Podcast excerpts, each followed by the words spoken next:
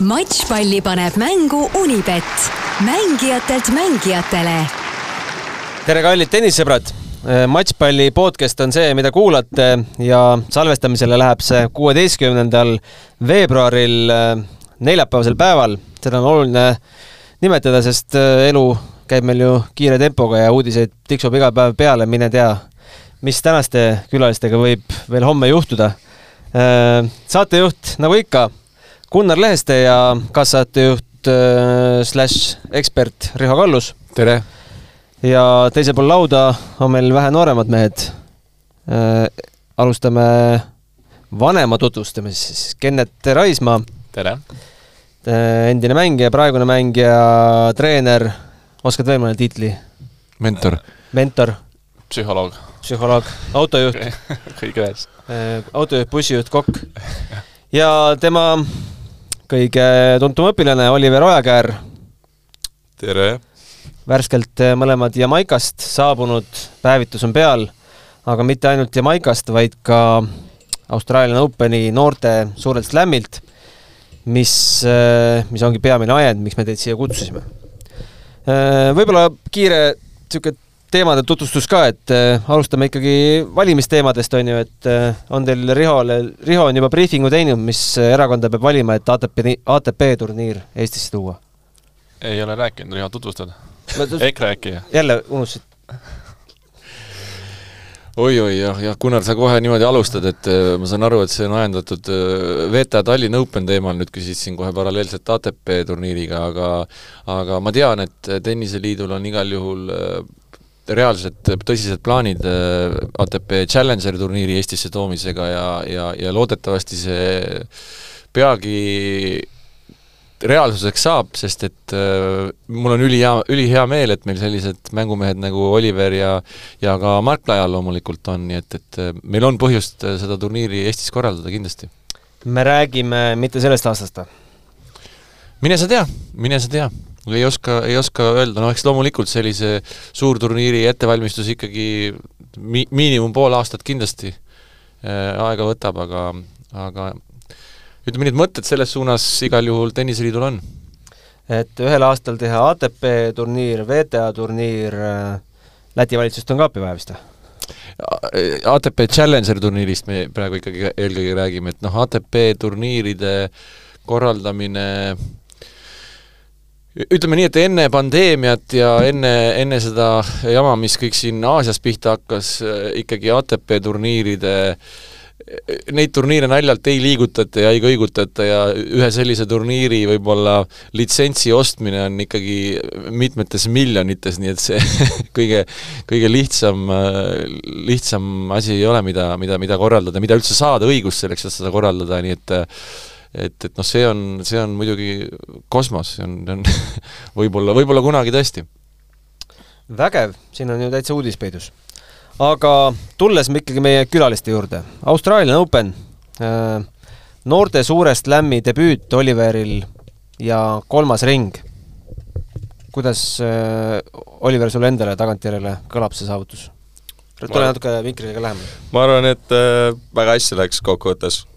ma enne olin haige pikalt ja ma arvan, mängisin päris maksimumi Äh, kolmandas ringis võib-olla oleks natuke paremini võinud ise mängida, mängus püsida, aga muidu ma ütleks, et paaris veerandfinaal, üksikus kolmas ring on okei okay. ma olen Kennetilt kuulnud, et, et see, et te sinna üldse otsustasite minna, oli päris nipa-nappa, räägi sellest haigusest mm -hmm. võib-olla natukene. no ma olin jah äh,, oktoobri keskelt jäin haigeks, olin põhimõtteliselt kolm nädalat enne Austraaliat hakkasime trenni tegema, neli-kolm nädalat vaikselt nagu ja siis kuni Austraaliani mängisime rahulikult trennis ja siis Austraalia oli põhimõtteliselt esimene kord, kus ma nagu täiega proovisin, proovisin mängima hakata. aga haigust saite siis äh, võitu vahetult enne turniiri või? Äh, no päris sada protsenti ikka ei olnud turniiri ajal, aga suutsin mängida normaalselt. ja nüüd, nüüd on juba okei okay. Kene, kuidas see otsuse langetamine sündis, et ikkagi lähete?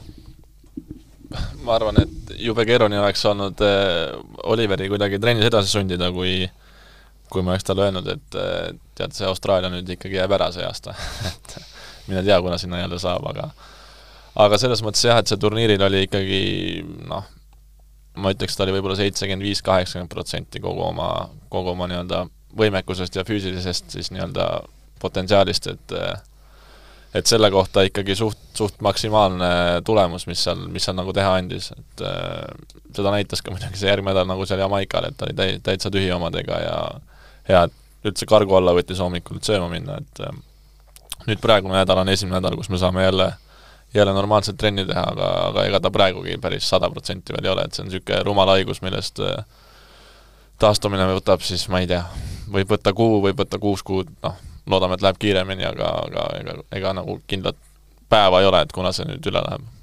aga räägime nendest äh, kolmest mängust ka, et ajaloo huvides, äh, et saaks need ikkagi purki, et äh, Markus Schömann, või vist öeldakse niimoodi austraallase kohta, Mhm. seitse-viis, kuus-neli, milline see mäng, seitse, kuus, kuus, neli, ole täpne. olen täpne või, mis ma ütlesin? Tiebreak viis, Gunnar. seitse-viis, jah. Siin koretennis ütleb seitse-viis, kuus-neli, oli tiebreak. ära vaata korra tennist. seitse, kuus, kuus, neli taibri. oi-oi-oi, jah. koretennis on mul ju kohe... mängu sa ei vaadanud siis, Gunnar? mängu ei vaadanud, see oli öösel ju. no, no jah. ma ikka vaatasin mängu. aga räägi, räägime sellest mängust. no Oliver, alustad. no väga rabe mäng oli. päris äh, alguses esimesed game'id olid ikka noh, närv oli sees, inimesi vaatas, siis oled seal, ei ole üldse harjunud. palju vaatas? ma ei, ma arvan mingi viiskümmend, kuuskümmend. aga noh, kui juunioride turniire tavaliselt ei vaata seal midagi, aga jätka, ma pärast sekkun. ja siis no, proovisin kuidagi enda mängu leida, aga, aga ma ütleks, et väga hea mäng ei olnud. jäin breigiga taha kohe, siis kuidagi sealt set-pallid päästsin, siis esimese kuidagi kangutasin, kangutasin ära ja siis teine tuli ka nii, no teine oli lihtsam juba. aga jah, esimene mäng oli suhteliselt kehva võrreldes teistega. no aga lõppkokkuvõttes, mille poolest sa parem olid? klassikaline spordireporteri küsimus. ma arvan, otsustavat hetkel oli teinud nii palju vigu kui vastane ja mingid serv ja eeskäsi olid kindlamad lõpuks. ja sealt, ma arvan, sealt tuligi. Äh, teine ring, Abel Forger, Holland temal lipuks ja kui minu andmed va-, paika peavad seekord, siis kuus-neli, kuus-kaks. Mhm. milline see mäng oli? no see oli palju parem juba. aga jah äh,, ma olin agressiivsem ja vastane kuidagi oli, ma ei tea, ma arvan, et oli päris pehme ka, kuidagi sobis mulle, sain ise kogu aeg äh, domineerida ja siis tundsin päris, tundsin, et noh, tundsin, et ma olen parem selles mängus. Kennetil on äh, kommentaar kohe? ei, noh, selle esimese mänguga seal oli need kõik need juuniorid alguses, et kõigil on, enamustel neil siis oli nagu see esimene slam ja tegelikult oli juba paar päeva ette näha, et seal et seal riietusruumides kõik värisesid juba ja ootasid, et kuna, kuna see avapauk antakse, et ja siis see esimene mäng oli noh, kohe näha ka, et väljakule läks, siis soojendus oli veel enam-vähem, aga, aga esimesest punktist peale siis poiss ühtegi piuksu ei teinud ja oli seal, otsis nagu nurka enam-vähem, et kus olla, et aga noh, tabeliga poiss jäi Oliver siis? jah, Oliver, et aga noh, tabeliga poisike, poisike. et tabeliga võib-olla selles mõttes natuke nagu edas ka, et noh, tegelikult Oliver oma nii-öelda mänguklassid siis noh, igas elemendis parem, et et seda mängu kaotada, siis ta tõesti oleks pidanud nagu mängima alla noh, alla oma võimete nagu päris, päris kõvasti. teine ring äh, oli juba nagu parem vastane vastas, aga seal oli noh, oli ka teisel pool võrku ühe teine Eesti mees kui esimeses ringis, et seda mängu oli nagu parem vaadata.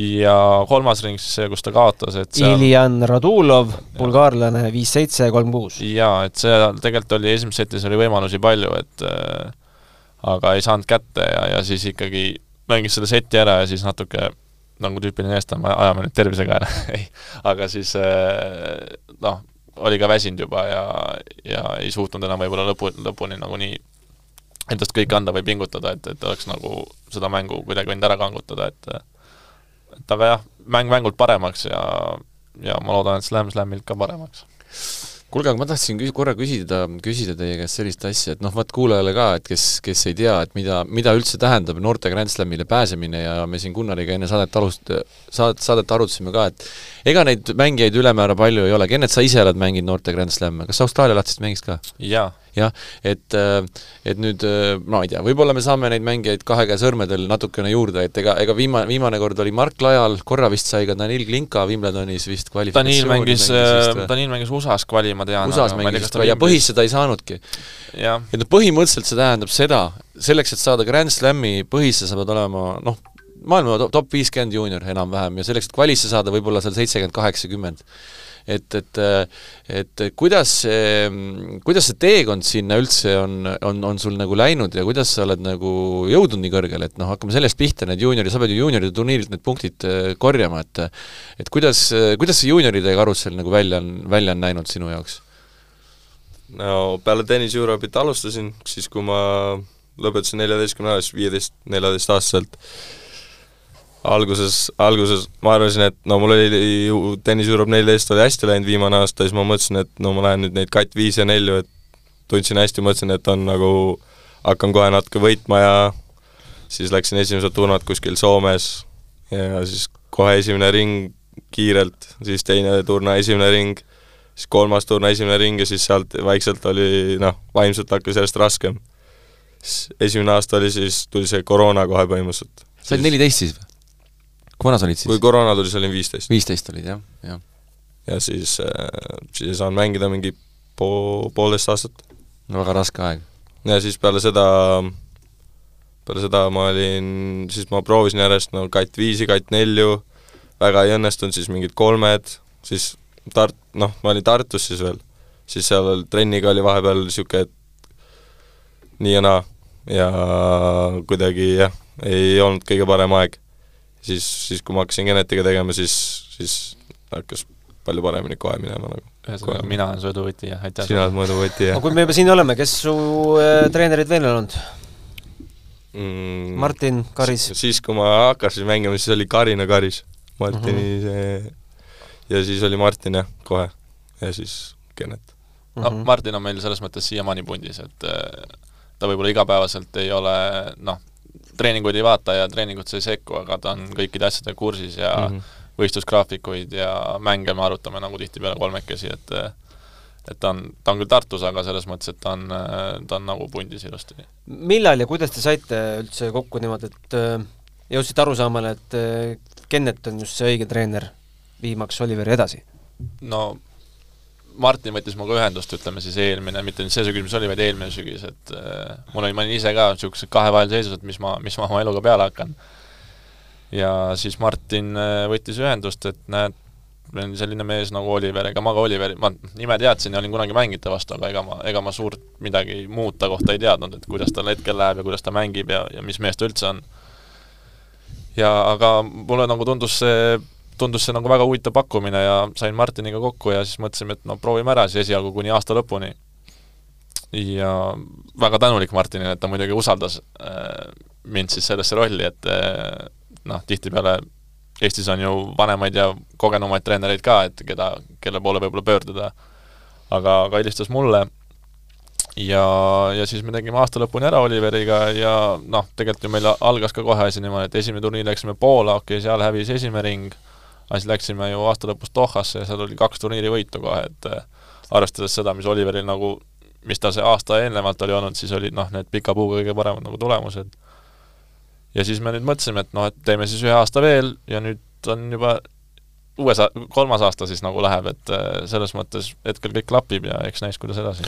kuule, aga ma tahan küsida su käest, Kennet, et sa nüüd äh, istud siin praegu, räägid natukene jämedama häälega nagu vanem treener ja sa oled tegelikult kahekümne nelja aastane mm -hmm. ja, ja, ja me teame, me teame, mis mees sa oled, sa oled mm -hmm. maailma tippklassi kuulunud tennisistina, ma ei taha, ma ei taha siin liiga palju nüüd hakata neid raskeid teemasid sinu jaoks puudutama, mis puudutavad seda sinu enda mängija karjääri, aga aga kui palju äh, sa täna sellele mängule vaatad teistmoodi äh, läbi treeneri pilgu, kui tol hetkel, kui sa ise olid seal noorte, noorte tipus, kas see on sinu jaoks äh, muutunud? Jaa, on, on, et ma selles mõttes näen Oliveris natuke, natuke iseennast, kui teed vigade parandust Oliveriga? ei, ma ütlen, et Oliveriga, selles ma näen nagu iseennast, et kuidas tema võib-olla natuke mänge vaatab ja ja kuidas mina siis kõrvalt näen, et nüüd ma võib-olla saan ka paremini aru nii-öelda oma siis treeneritest, kes mul olid, et kuidas nemad kõrvalt mingeid mänge nägid, et et see on nagu noh, tegelikult on nagu väga huvitav ja mulle nagu väga-väga meeldib see väljaku kõrvalolija roll ka siis, et noh, vahest on ikka niisugune tunne, et teeks neid asju teistmoodi ja seda asja teeks kindlasti paremini ja aga et nagu sa ei saa otseselt muuta võib-olla, aga, aga, aga nagu meeldib jah, et äh, küll kahekümne nelja aastane alles, aga, aga ma ei tea, jah. Räägime siis selle ka ära, ega sinu mängija karjäär ju ei ole ju ka lõplikult läbi Oliveri kõrvalt ikka mängin ja nüüd Davis Cupi mängisin ja nüüd see on plaan ka, et kui Oliver hakkab rohkem äh, mängima neid nii-öelda meesteturniire, et siis tema kõrvalt noh, paari kindlasti mängin kaasa, et eks ma üksikuga natuke koos mängite paari või? esialgu küll jah, või kui ma leian mingi parema paari vahepeal äkki läheb Oliver Oliver parema paari siis? Äh, vahepeal Oliver natuke treenid nagu oma treenerit ka, eks ju, Kennetit, et kuidas seal paremini, et just nüüd ongi ei, aga tegelikult ongi, kes sind treenib? Mina ei, Oliver. Oliver, Oliver jah, selles mõttes, ei tegelikult on, tal on nagu noh, ta on väga hea mängija, aga tal on nagu, tegelikult on tal hea silm ka, et ta, ta ikkagi vahest ütleb mulle, et et siin oleks pidanud kuule, aga öelge nüüd ausalt, kui te nagu omavahel ragistate seal, teil ikka nagu läheb trennis, läheb nagu ragistamiseks ka või kes kellele seti ära teeb no, see nädal ta on tagunud mind siin järjest, aga noh, no nii peabki olema. aga kuidas see on, aga on see, on see, on sul nii hea meel või on sul tegelikult niisugune, et kurat, ei ole, ei, mul mingit viha ei ole, aga eks noh, tal on järgmine nädal turniiri ka, et ma natuke et las ta võidab, jah? aa, natuke lased, lased ka või? mis turniir sul järgmine nädal on? Kait kaks Leedus. Jaa, Xavi Xavi Laits mängid jah, sa olid Xavi, esimene jah. paigutusõigus, jah, ma Mhm. tegelikult vaatasin seda tabelit, mul tuli meelde. aga ma arvan, et tegelikult praegu, kui võtta see mängutase meil kokku, siis meil on hästi fifty-fifty ja ma ütleks võib-olla niimoodi, et eh, kui me mõlemad mängime oma parimat mängu, siis võib-olla jääb juba tema peale, aga kui nüüd võrrelda kehva mängu, siis kehv mäng on mul natuke parem. Et see on no nagu siuke see, see on, see on tennises nagu, kõ- kõigepealt õpitakse tennist mängima ja siis järgmine asi on see, et kuidas õppida matše võitma, et ja ka siis, kui see päev ei ole kõige parem, et see on, see on omaette, omaette oskus, on ju, mida nagu noortel tennisistidel tuleb omandada ja õppida kindlasti. jah, aga ei äh, jah, tubli on ühesõnaga, ütleme nii. ma surgiks seal Melbourne'is veel natukene, et mäletate seda hetke, kui te esimest korda sealt Melbourne'i väravatest sisse astusite, et oli sul Oliveris ka niisugune tunne, et oh-oh, nüüd olengi siin või? Ähm, no otseselt, nojah, ikka oli nagu ärevus, et mis, milline see on ja mil-, kes seal on, mis mängijad, kas ma näen kedagi. nägid siis jah, ei ma nägin ikka päris, jah, palju mängijaid seal. riietusruumis? nimeta paar. Wimbledoni võitja Raismaa. Äh, jah Jah. ja., ei ma ei tea, Katšanov, Shelton, Sinner, Korda. Ütlesid tere ka või kuidas see suhtlus siis välja näeb? aa, ei, lihtsalt vaatad. Sinner, Sinner tuli, küsis pilti Oliveriga, Oliver ütles, et praegu ei saa mul on võistlus. aga Kennet sa ka tuttavaid nägusid nägid või? Geneetil on kõik tuttavad no seal. kõik tuttavad jah e....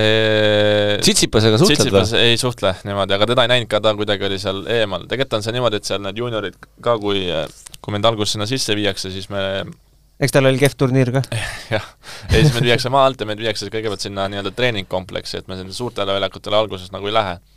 ja siis esimest korda nagu sellel nii-öelda sinna alasse sisse, kui nagu mäng, ongi siis noh, siis kui mäng hakkab mm, -hmm. et, Mhm. et siis esimest korda saidki nagu tegelikult õigele väljakule siis, kui kui oli turniirimäng, et siis, siis tekkis nagu see, see kramp väike sisse, et Mm -hmm. et nüüd, nüüd ongi nagu päris, läheb nagu päris asjaks, et aga enne on seal treening, treeningkeskuses ja, ja seal ikka näed neid mängijaid jah, et kes seal tuleb jäävanni ja kes käib jõusaalis ja kes niisama lõi servi ja aga seal on kõik nagu tavalised inimesed.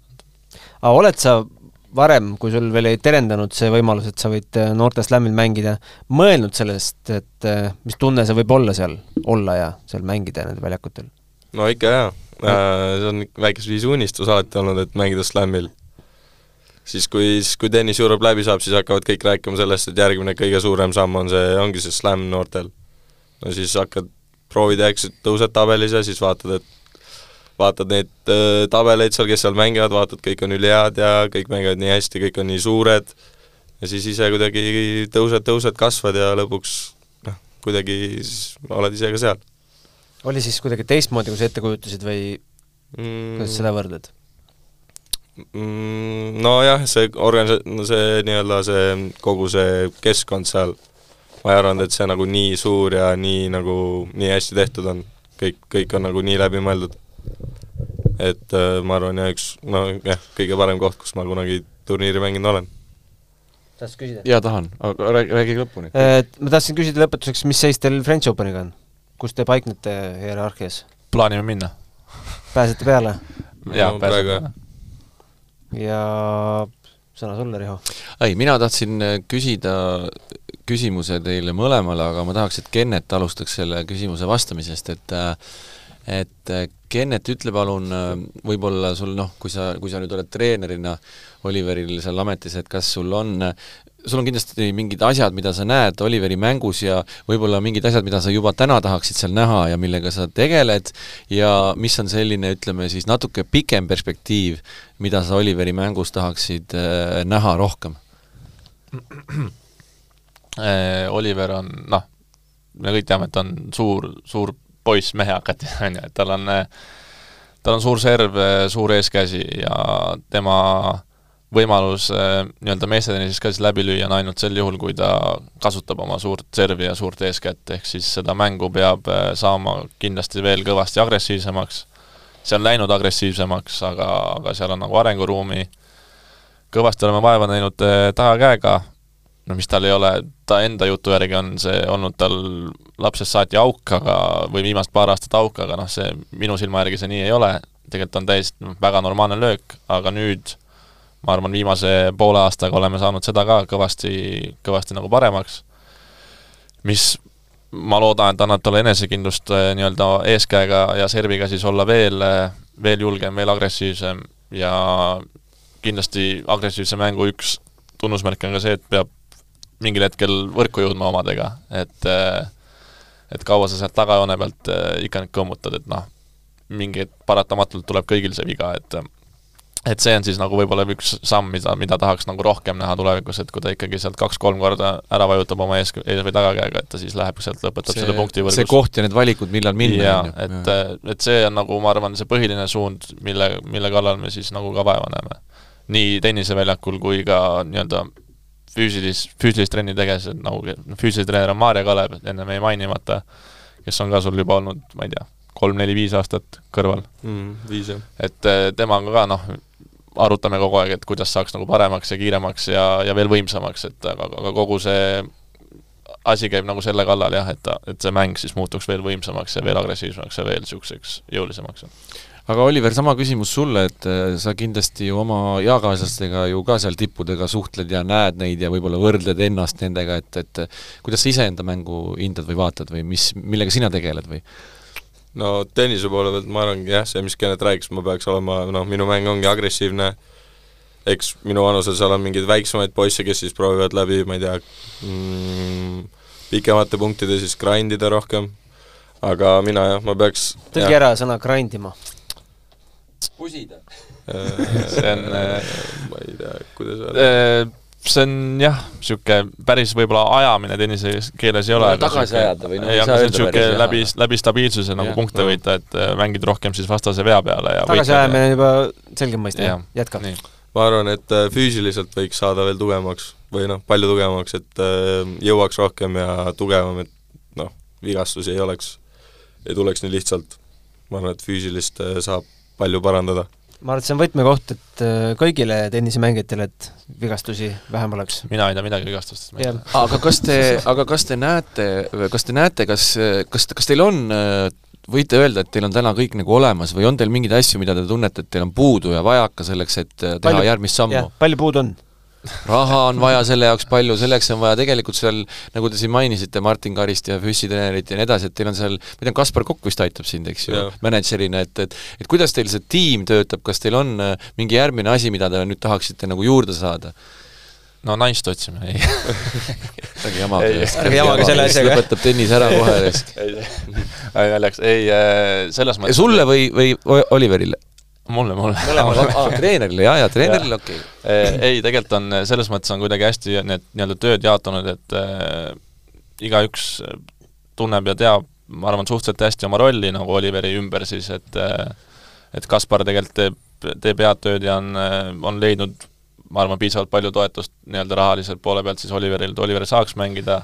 see koht on muidu see koht, kus me, mida me ei lõika välja, kui te oma sponsorid ette loete äh, hakkame ette lugema. jaa, võite sponsorit, muuseas me räägime tegelikult äh, endisest tennisistist, kes vahepeal otsustas suusatama hakata ja kes suusatas nagu päris hästi, Kaspar. Kokk ja Ei olnud ja, paha, jah. ja ei olnud paha ja, ja nüüd siis on jälle tennises tagasi, Jaa. et et noh, Kaspar on jah, Kaspar on meil siis selline, ongi, ongi mänedžer, ongi nagu kõige õigem sõna, et aga noh, ta on ka koos Martiniga nad seda alustasid, on ju, Martinil väga, kui, kui mitte üks parimaid sõpru, nemad koos, siis eh, Martin on selles mõttes, et ta on, eh, mina uurin talt palju, küsin, noh, kas nüüd palju, aga ikkagi, kui mul mingi mure on, siis ma pöördun esimesena Oliveri suhtes tema poole, tema uurib, kuidas meil läheb, vahest annab mingit head nõu, Maarja Kalev, kes siis on füüsilise treener, ma olen, me oleme igapäevaselt kontaktis, noh, ta on küll Tartus selles mõttes, aga ta üritab olla vähemalt viiskümmend, kuuskümmend protsenti ajast Tallinnas, aga noh, vestlus on igapäevane.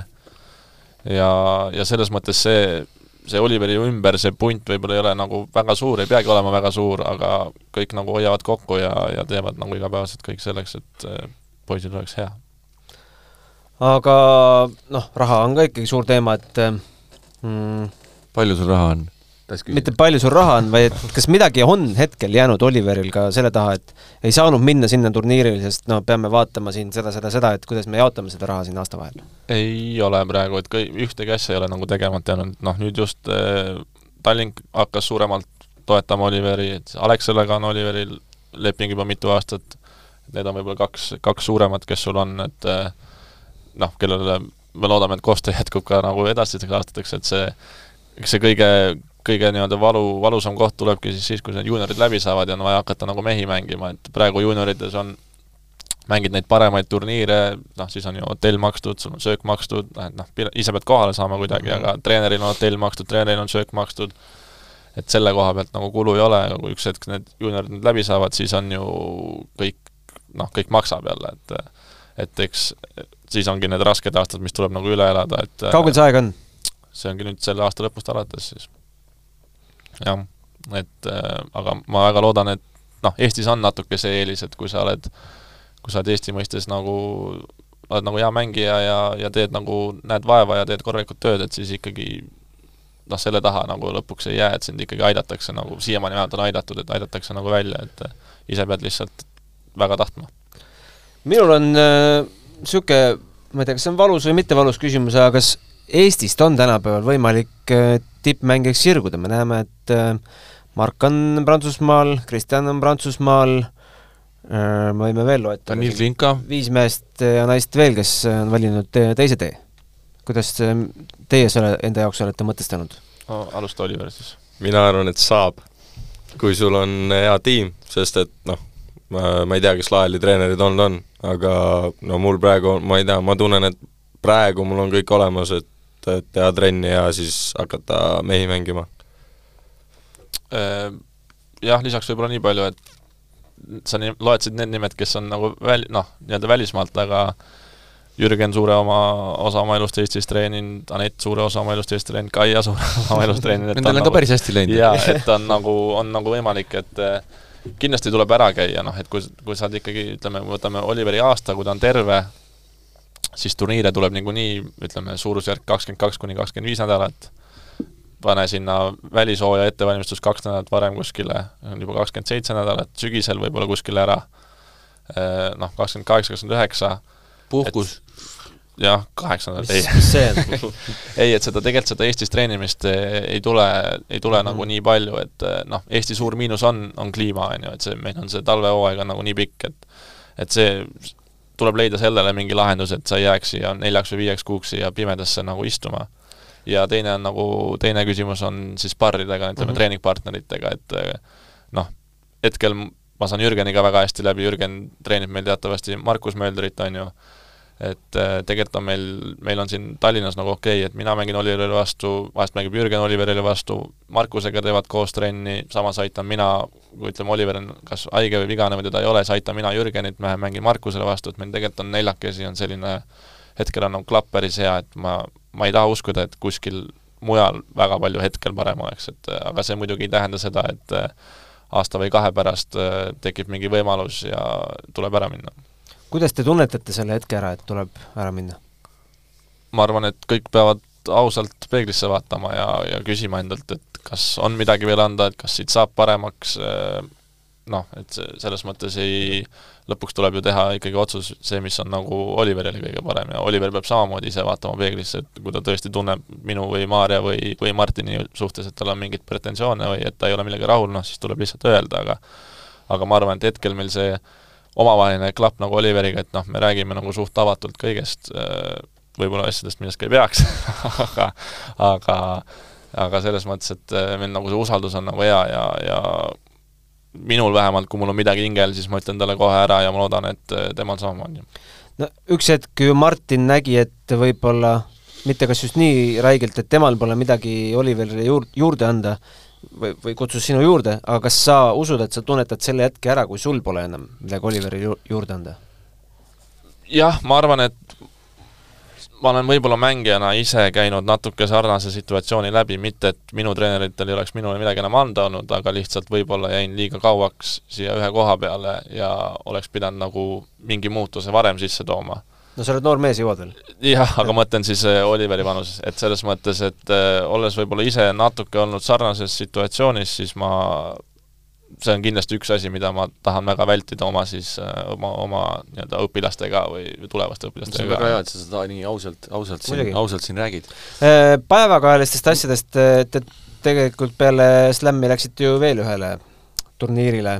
Äh, otsisin statistikat sellest nädalast, lüües sisse Davis Cup Estonia ja esimesele lingile vajutades, siis on juba kirjas, et data not available, nagu ajaloost minema pühitud, aga Vikipeedia siiski salvestas Äh, Oliver seal äh, platsile ei pääsenud, Kennet, äh, sina käisid ja võidu tõid koos Jürgeniga.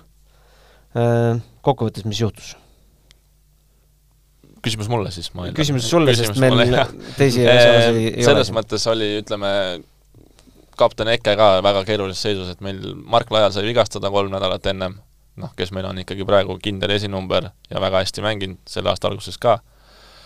see oli nagu suur pauk tiimile siis oli eh, noh, üldse kõigepealt oli küsimus, kuidas me tiimi kokku saame, et, et eh, Jürgen oli, andis ka kõigepealt eitava vastuse, et ei tahtnud tulla, mis on iseenesest nagu arusaadav, et ta ju ka igapäevaselt trenni hetkel ei tee. lõpuks oli ikkagi õnneks nõus ja siis, kui koha peale jõudsime, siis hakkas ka erinevad mured, et seal kõigepealt oli plaan, et lähevad eh, Tulle, Kristjan ja Jürgen, Kristjanil oli seal, olid seal väiksed vigastused, tal oli see jalaga mingi probleem, õlaga mingi probleem, Jürgenil hakkas päev enne üksikmängu see vana seljajama kostma, et siis oli jälle korraks niisugune seis, et noh, et kelle me nüüd paneme üldse. Äh, jah, kõigepealt läks küll Kristjan. Kristjan kaotas üks kuus. jah, et see noh, sellest mängust ärme võib-olla väga pikalt räägi, et äh, kõigil juhtub ja, ja oli üks kehv mäng.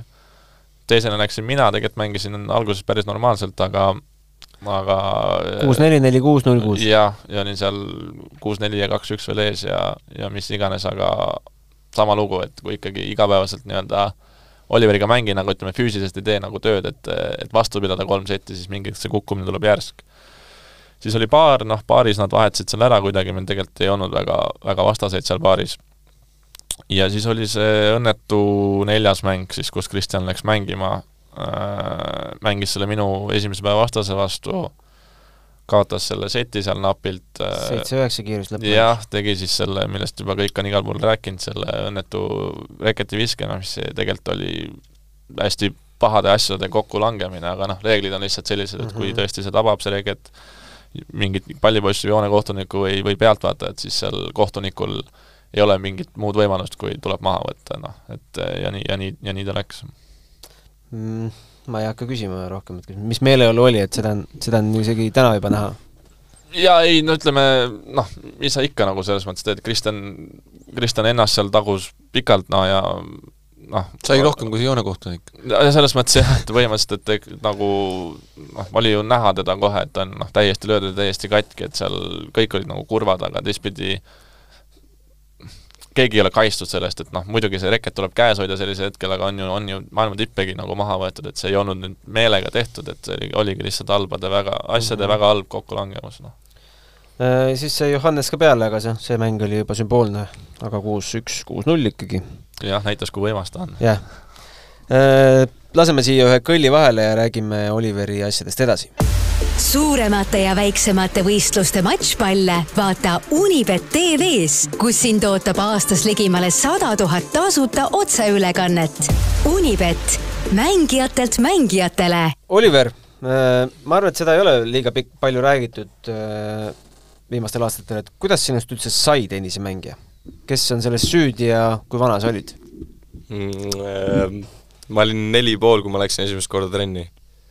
See oli niimoodi, et mul oli lasteaias oli üks äh, parim sõber, üks Ramon Põldaru, ta mängis ka tennist kunagi. siis meie emad suhtlesid ja siis ta käis juba trennis, siis ma, mul ei, ma ei olnud kunagi käinud kuskil trennis, siis tema järgi läksin, siis hakkasin mängima, alguses muidugi olin suhteliselt äh, paha poiss trennis, loopisin ja tegin lollusi ja ei viitsinud ja ja siis Kari, siis kui ma Karise juurde läksin, siis kes sul ennem oli? Karina aa, ah, sealsamas äh... jaa, nad tegidki tegelikult koos, aga mis selle halli nimi nüüd tänapäeval on? Tähtere tennise sealt klubi. hakkaski kõik pihta? jah mm -hmm., sealt hallist. ja siis äh, mingi hetk Martin äh, eraldus siis mingi kümne lapsega, siis ma jäin ka sinna sisse ja siis kuidagi sealt järjest jah, hakkasin ise tahtma rohkem ja trenni tegema, jäin suurtemate trenni ja kuidagi siis Martin nägi mind, hakkas minuga rohkem tegelema ja siis sealt, sealt nüüd läkski nii. aga räägi, mis, milline su äh, perekondlik taust on, äh, millega su vanemad tegelevad ja tennises hästi palju me näeme alati neil noortel tennisistidel närvilisi lapsevanemaid seal aia taga äh, karjumas ja ütlemas, mida peab tegema ja kuidas peab tegema ja kas sul on vendi-õdesid ka perekonnas? Jaa, mul on vanem õde, kakskümmend üks tegeleb ka spordiga, ei tegele?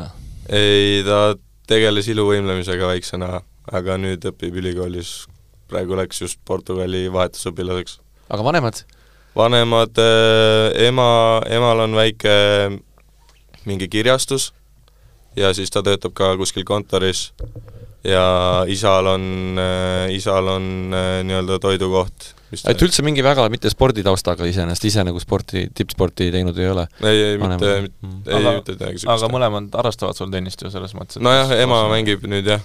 nüüd äh, mängib või mängis ennem? ei, ei, ei, sinu pärast mängib? nüüd jah, kui mina hakkasin mängima. aga selles mõttes, et äh, sellest nii-öelda hullud vanematest rääkides, siis sul seda ei ole olnud? mul on suhteliselt äh, noh, väga okei okay,, väga normaalsed vanemad.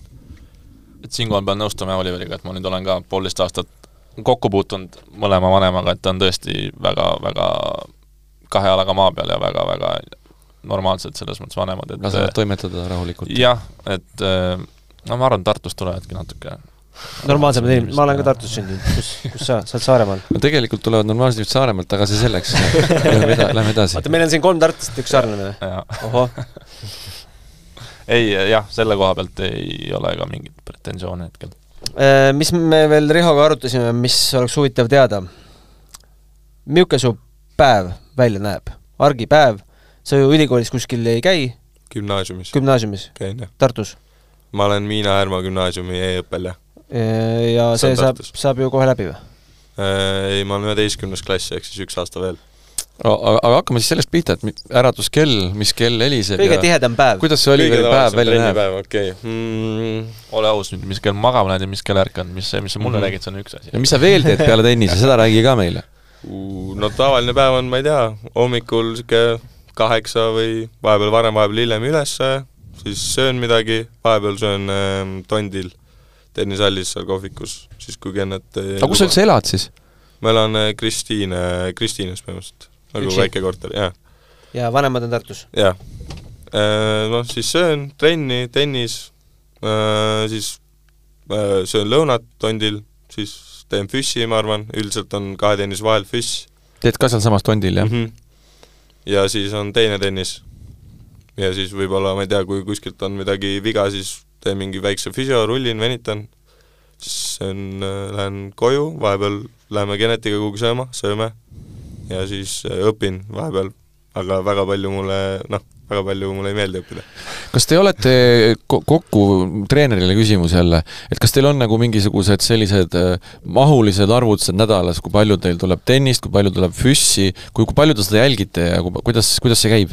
no ideaalis tahaks muidugi ju teha nii palju kui võimalik ja ma ei tea, panna laupäeval plaan paika, et näiteks, või pühapäeval plaan paika, et es- esmaspäevast hakkame niimoodi tegema ja teeme kuni laupäevani kindla plaani järgi, aga aga Oliver on ka üks nendest mängijatest, kes noh, keda on õnnistatud, siis mitte õnnistatud, aga kellel on nagu üsna palju vigastusi olnud nagu nooremas põlves ja, ja, ja tegelikult ka tänase päevani, et seal Oliveriga tuleb nagu vaadata päev-päevalt põhimõtteliselt, et kuidas keha vastu peab. jah, kuidas keha vastu peab ja kuidas olemine on ja nii edasi, et mis päevadel nagu saab teda rohkem suruda, mis päevadel peab nagu maha tõmbama, et et jah, see, see on nagu võib-olla isegi kõige suurem väljakutse, et, et, et nagu teha nagu täpselt siis nii palju, et ta tunneks, noh, oleks nagu väsinud, aga samas tunneks ennast veel nii, nii palju hästi, et ikkagi midagi nagu ära ei lõhuks, et et meil need nädalad tulevad, kui ma arvan, kui meil on kaks või kolm nädalat Eestis trenni, siis need nädalad tulevad nagu väga erinevad, et mõni nädal on niimoodi, et mängime ainult kord nädal, või kord päevas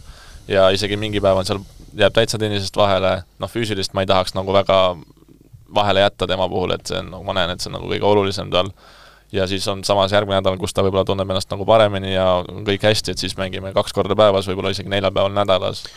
no, no aga eeldame, et tal on terve nädal, et oled sa need tunnid kokku lugenud umbes, füssi ja tennisetunnid? no tennis tuleb ikkagi päevas, tahaks ideaalis olla niisugune kolm pool kuni neli tundi väljakul. ja see on siis kolm pool neli tundi ja välja arvatud pühapäev, jah? üks päev on puhkepäev või? seal ütleme nii palju ei jõua, et see on, ütleme esmaspäev, teisipäev oleks niisugused raskemad päevad, kolmapäev on kindlasti ühe tennisega päev ja neljapäev, reede oleks siis jälle niisugused raskemad päevad ja laupäeval siis üritaks ka ikkagi ühe tennise no see tuleb siis kuskil kuusteist, seitseteist tundi nädalas tennist või? No kui me ütleme kolm pool neli võtad kord neljaga on kuusteist, ütleme jah, niisugune natuke rohkem, võib-olla niisugune kahekümne kanti, kui on ideaalne nädal. aga sinna pane nagu füüsilis-, füüsiliselt juurde ja see oleneb hästi palju ka sellest, et mis tal nagu füüsilise programm hetkel on, et kui on nagu ja palju neid tunde võib tulla umbes? No iga päev ikkagi selle füüsilise tegevuse peale poolteist kaks. poolteist kaks iga päev, jah. nii et noh, ütleme võib-olla, võib-olla viis-kuus tundi vähem kui tennist on, on füüsi ka vist viisteist, kuusteist tundi, et ja. kuskil kolmkümmend viis tundi nädalas on, on sul nagu puhtalt treeningut. jah, et, et aga noh, ma ütlen, see nagu kõigub, et no, on, on nädalaid, kus on ka nagu vähem, et äh, aga, aga jah, nii ta umbes ikkagi tuleb igal, igal nagu tippsportlasel, ma julgen öelda, kes siis tennist tänapäeval mängib. kui Oliveril midagi katki läheb, siis esimene kõne on kellele? Maarja Kalev. teine kõne? Maarja Kalev kui kiiresti, süsteem on, küsimus selles mõttes, et kui kiiresti te mingi arsti jutule saate, et mis süsteeme, on teil tugisüsteem nii, nii-öelda paigas? meil on, selles mõttes on nüüd vedanud, et kui on vaja teha mingisugune uuring, kas siis MRT või, või röntgen või midagi, siis minu ema töötab Tartus, on radioloogia tehnik, ehk siis me saame kohe, kui on vaja täna, siis me saame täna põhimõtteliselt, et sellega on nagu väga vedanud, et Eestis neid kohti ei ole väga palju, kus neid asju, uuringuid saab teha ja tihtipeale võib minna aega mm. -hmm. Füsio poole pealt on Maarja ja siis arstidega konsulteerib ka rohkem nagu Maarja, et tal on omad mingisugused liinid või inimesed, kellega ta nagu suhtleb, kellelt ta küsib, ja, ja seal me nagu usaldame noh, sajaprotsendiliselt nagu tema, teda ja tema arvamust siis. olete te EOK Team Estoniaga ka kuidagi seotud või veel mitte? ei, Oliver on, on oleme ikka, jah. mis tugi sealt tuleb? Ma ei ole kasutanud seda muidugi sealt ma ei, ma isegi täpselt ei ole kursis, mis sul, mis hüved sul seal on. seal on mingid, sa saad käia kuskil füsio juures mingid päevad kuus, aga ma, ma ei ole, ma arvan, mu, mu ema teab paremini. no sul on rahaline toetus kindlasti selles mõttes ka sealt olemas, EOK ja, ja, jah ja., sa oled ju seal no, kuidas te kuplialust korras hoiate? küsimus mulle või sulle, Oliver? ma ei tea, kumb tahab vastata.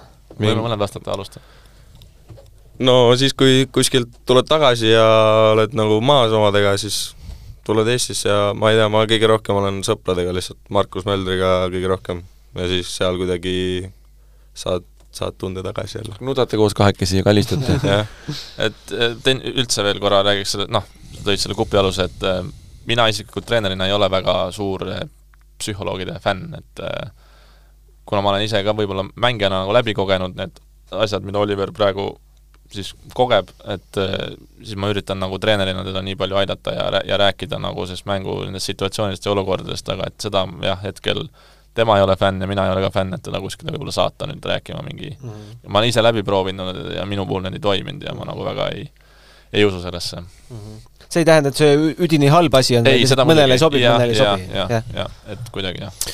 mul on üks selline küsimus, kui ma nüüd kerin siit umbes kümme aastat tagasi, neljateistaastane Kennet Raismaa ma mäletan väga hästi, mis mulle Kenneti puhul väga-väga meeldis, et äh, väga palju oli selliseid noormängijaid, küsid, küsid mõne tippmängija kohta, polnud nimegi kuulnud. ma mäletan, et Kennet väga palju vaatas äh, tipptennist, jälgis, vaatas Youtube'ist, istus arvutis, kogu aeg vaatas nagu tennist, et äh, kui suur roll, Oliver, sinu jaoks on see või kui palju sa ennast läbi selle arendad, et sa vaatad äh, ise meeste tipptennist ja kas sul on omad mingisugused sellised äh, lemmikud või, või kes sinu niisugused noh, nii-öelda eeskujud on äh, maailmatennises mm,? ei no ma, ma vaatan ka päris palju, ma olen ikkagi suht iga turniiriga kursis, kui kuskil on mingi ATP turniir.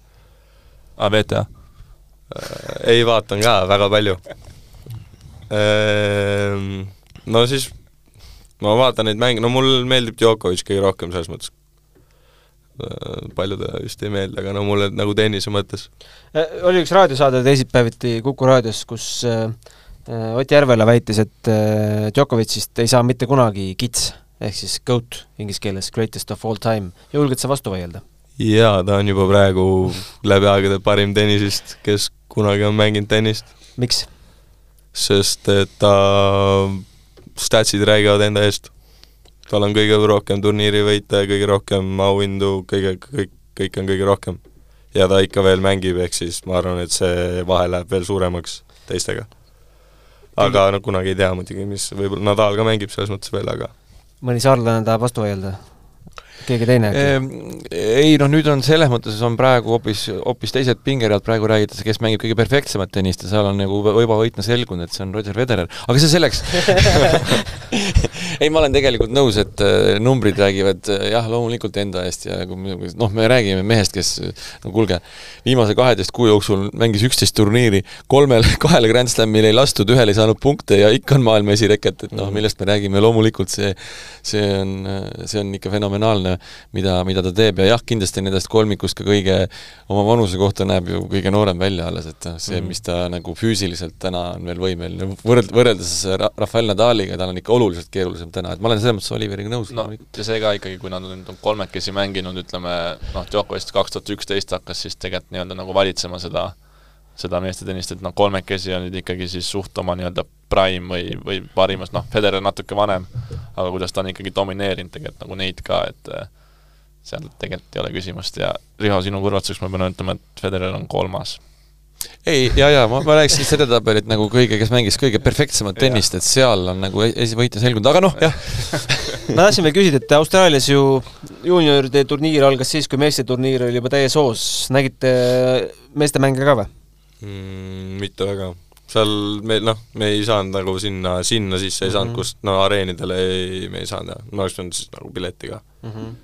aga, aga trenne nägime, nägime Korda, Sinneri äh,, Sheltoni on sealt midagi õppida, midagi vaadata ka? Minul on huvitav, ma olen mänge näinud, minul on isegi palju huvitav neid trenne mm -hmm. vaadata, et äh, näiteks Sinneriga nägin äh,, järgmine päev mängis Tsitsipasega seda viis, viis setti seal on ju, siis nägin päev enne seda trenni, noh, siis oli see trenn oli puhtalt üles ehitatud selle, kuidas siis Tsitsipase vastu nagu minna mängima, et äh, no seal jah, mingit tuumafüüsikat ei olnud taga kuidas taha alla kõrget topsi mängida, seda kõik teavad siin ainult üks no, aga nagu need harjutused ja kõik, mis ta nagu tegid, et noh, see oli kõik ainult selle suunitlusega et eh, minul oli seda huvitavam vaadata ja jah, ilmselt oleks tahtnud näha muidugi mõnda head mängu ka, aga, aga seekord ei õnnestunud. kuidas sa ennast treenerina arendad?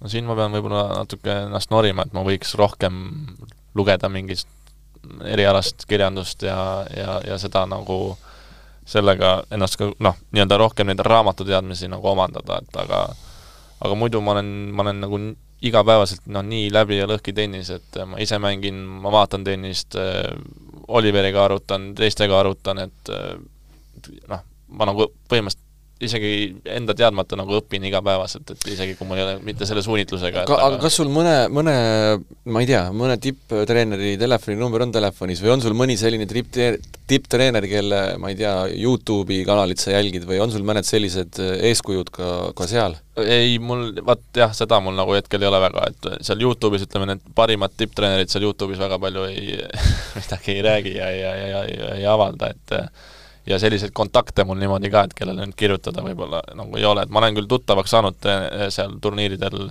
erinevate, erinevate treeneritega, näiteks eh, üks Oliveri, ühe Oliveri konkurendi treener on siis, on Kavtšits, kes oli siis pikalt ka nelikümmend, viiskümmend maailmas, temaga olen rääkinud, siis nüüd Austraalias nägin, kellega rääkisin paar sõna juttu, on Meltser, Jürgen Meltser on noorte, ühe noore treener.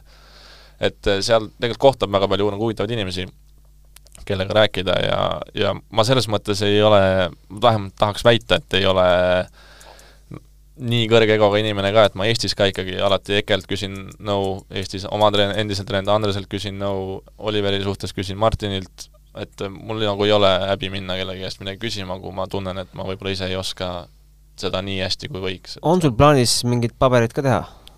kategooriat tõsta? peab tegema Eestis mingi hetk vähemalt, et kui sa tahad saab olla palga peale ka vist või? Ma olen praegu ka palga peal see, mis, see, mis hetkel toimub, see peale. Gunnar, see on hea küsimus, et see, mis hetkel toimub, tegelikult on kõik ebaseaduslik, aga, aga ei äh, aga siiski, aga selles, ei, selles mõttes, et kui sa Eestis tahad ikkagi mingi klubi all lõpuks hakata mingite Just. lastega rohkem treenima, et siis sul peab see katt olema, et mul hetkel ei ole, aga, aga plaanis on, jah. hakkame kokku tõmbama vaikselt. mis meil veel küsimata jäi, Riho? Oi, oota, nüüd ma, nüüd ma, nüüd ma aga kooliga ikka oled nagu järje peal, et pooleli veel ei jäta? ei, pooleli ei jäta ja prooviks ikkagi ära teha gümnaasiumi vähemalt. aga oled mõelnud, ah, see kool, tennis on palju ägedam. no seda ikka mõelnud, aga aga jah, mu vanemad näiteks ei ole nagu, nad ei ole nõus sellega, et ma pean Mhm. nagu kooli ka korras hoidma, hinded okeid ja no võib-olla üks asi, mida ma tahtsin küsida nüüd äh, kaks tuhat kakskümmend kolm hooaeg, et noh, sa oled nüüd sellises vanuses, et äh, kuidas te nüüd, kui palju te nüüd keskendute juba profituurile ja kui palju nüüd juunioride äh, turniire sa veel mängid, et noh, kindlasti Grand Slam'e sa mängid, aga kui palju sul nagu, kuidas teil seal on see balanss? no nüüd sellest aastast tegelikult on ju see ATP ja ITF siis koostöös, et mm. tuli see esmakordselt, et kui sa oled juunioride kahekümne hulgas, siis sa saad äh, järgneval aastal kaheksale Challengerile kvalisse wildcardi, ja teie oled, olete? Oliver on kolmkümmend kaheksa praegu äkki või kolmkümmend viis või midagi sellist Mhm. mm. ja kui sa oled kümne hulgas, siis sa saad kaheksa tükki põhisse. meil tegelikult oli plaan mängida rohkem, noh, see aasta pooleks, et me mõtlesime, et ei ole ei ole väga suurt vahet, kas ta on kakskümmend, kakskümmend viis, kolmkümmend viis, kolmkümmend, et senikaua, kuni slammidele peale saab, on kõik hästi, ja siis hakata sinna juba miksima sisse ka need äh, futures'id siis, on ju. aga kui nüüd tuli see reegel, et kahekümne hulgas oled, siis me ikkagi üritame seda minna püüdma. Mhm. et saada kahekümne hulkasse kaheksa turniiri, noh see on Futuresi, Futuresi reegel on viiekümne, top viiekümne koha pealt. ei, top saja koha Top sada oli aga Futures, jah. Futuresi reegel on selles mõttes rumal reegel, et see on kuni üheksateistkümnenda sünnipäevani. saad kasutada seda ranking ut, ja Oliveril on veebruaris sünnipäev ehk siis, kui see hooaeg ära lõpeb, siis põhimõtteliselt kuu aega ja väga ja palju ei ole aega mängida neid, jah. Aga noh, kui sa, kui sinna kahekümne hulka, ütleme, see ongi meil, ma ei ole suur aga kas sa varem ei või neid mängida siis üldse võid ikka, võid ikka. võid ikka varem, no sa saab see aasta saab mängida ju ju. aga noh, ütleme, et numbri, ma ei ole suur numbriliste eesmärkide fänn, aga selle hooaja siis võib-olla suurim eesmärk on see, et äkki, äkki saame sinna kahekümne hulka, et siis noh, kaheksa turniiri, see on päris pool hooaega ei ole, aga, aga ikkagi väga suur osa hooajast saaks proovida nagu Challenger'e kohe. mälumängu küsimus Oliverile, et kes on Eesti juunioridest kõige kõrgemale jõudnud edetabelis, tead sa seda või? mm.. no Kennet, ma arvan. La-, ee, Lajal või? ma olen sul seda, ma arvan, kuus korda ma ei tea, jah. see on mingi vanem, vanem mängija või? ei, mina. sina ikkagi mina. Jaa, õige vastus. sa olid neliteist, Lajal oli ei, ma seitseteist. olin Ei, kaksteist, kolmteist, neliteist. Mina olin kaksteist, siis äh, Just. Laial oli kolmteist ja Põldmäe neliteist. jaa, õige. vastus on äh, Kennet Raismaa kaksteist, jäta nüüd meelde, Oliver, rohkem, järgmine kord, kui küsime, et sul oleks meeles, kes häbiväärne oli. et võib-olla jaa, ma just tahtsingi küsida, ma tahtsingi küsida, järgmine küsimus oli, et äkki või järgmine siht on see, et äkki saaks treenerist nagu kõrgemale, enne kui juunioride karjäär ära lõpeb, et siis oleks sinna on pikk-pikk maa. sinna pikk maa minna. Äh, Prantsusmaa on plaanis, kõik hästi läheb, siis Wimbledon ja US Open ka või? jah jah, kus Eestis mängima näeb, mängimas näeb Oliveri järgmisena? mm,. ma arvan, meeste, meistrivõistlus. Estikat, siis on need, meil on kaks kodus seda noh, see on küll alles suvel ja sügisel on ju, on need Estonian Open, jah, Pärnus, jah. Need kaks viieteist tuhande eest ja mine tea, kui äkki ära teevad selle Challengeri, millest siin ennem räägitud sai, siis siis wildcard või? no pff, ma arvan, selles ei ole üldse küsimus. vaata, küsimus on, kas treener saab wildcardi. noh, teen taga trennis ühe seti ennem, siis vaatame, võitja saab. jah. kedagi tahate eriliselt tervitada, tänada ka tänasel päeval? oma toetajaid ja vanemaid ja Kennetit ja Maarja Kalevit ja Martin Karist. Nüüd on kõik see on äge, igal juhul on kuidagi, tundub, et teil on, teil on mõnus tiim, teil on hea vibe ja kõik asjad on läinud vähemalt siiamaani õiges suunas, et me kindlasti soovime, et äh, sa, Oliver, terve püsiks, see on kõige tähtsam, et sa terve püsiks, et küll siis need tulemused tulevad. Äh, saates ma ütlesin, et ropendada ei tohi, aga kurat mõnus saade oli. jaa, peate tihedamini kutsuma, meiega on alati. No ma, ma usun, et meil on põhjust teid kutsuda uuesti. jaa, ma usun ka. aitäh teile, mehed, tulemast, aitäh kuulamast, aitäh, Riho, et sa kaasa mõtlesid, kaasa aitasid ja järgmise korrani, aitäh! teeme nii. matšpalli pani mängu Unibet, mängijatelt mängijatele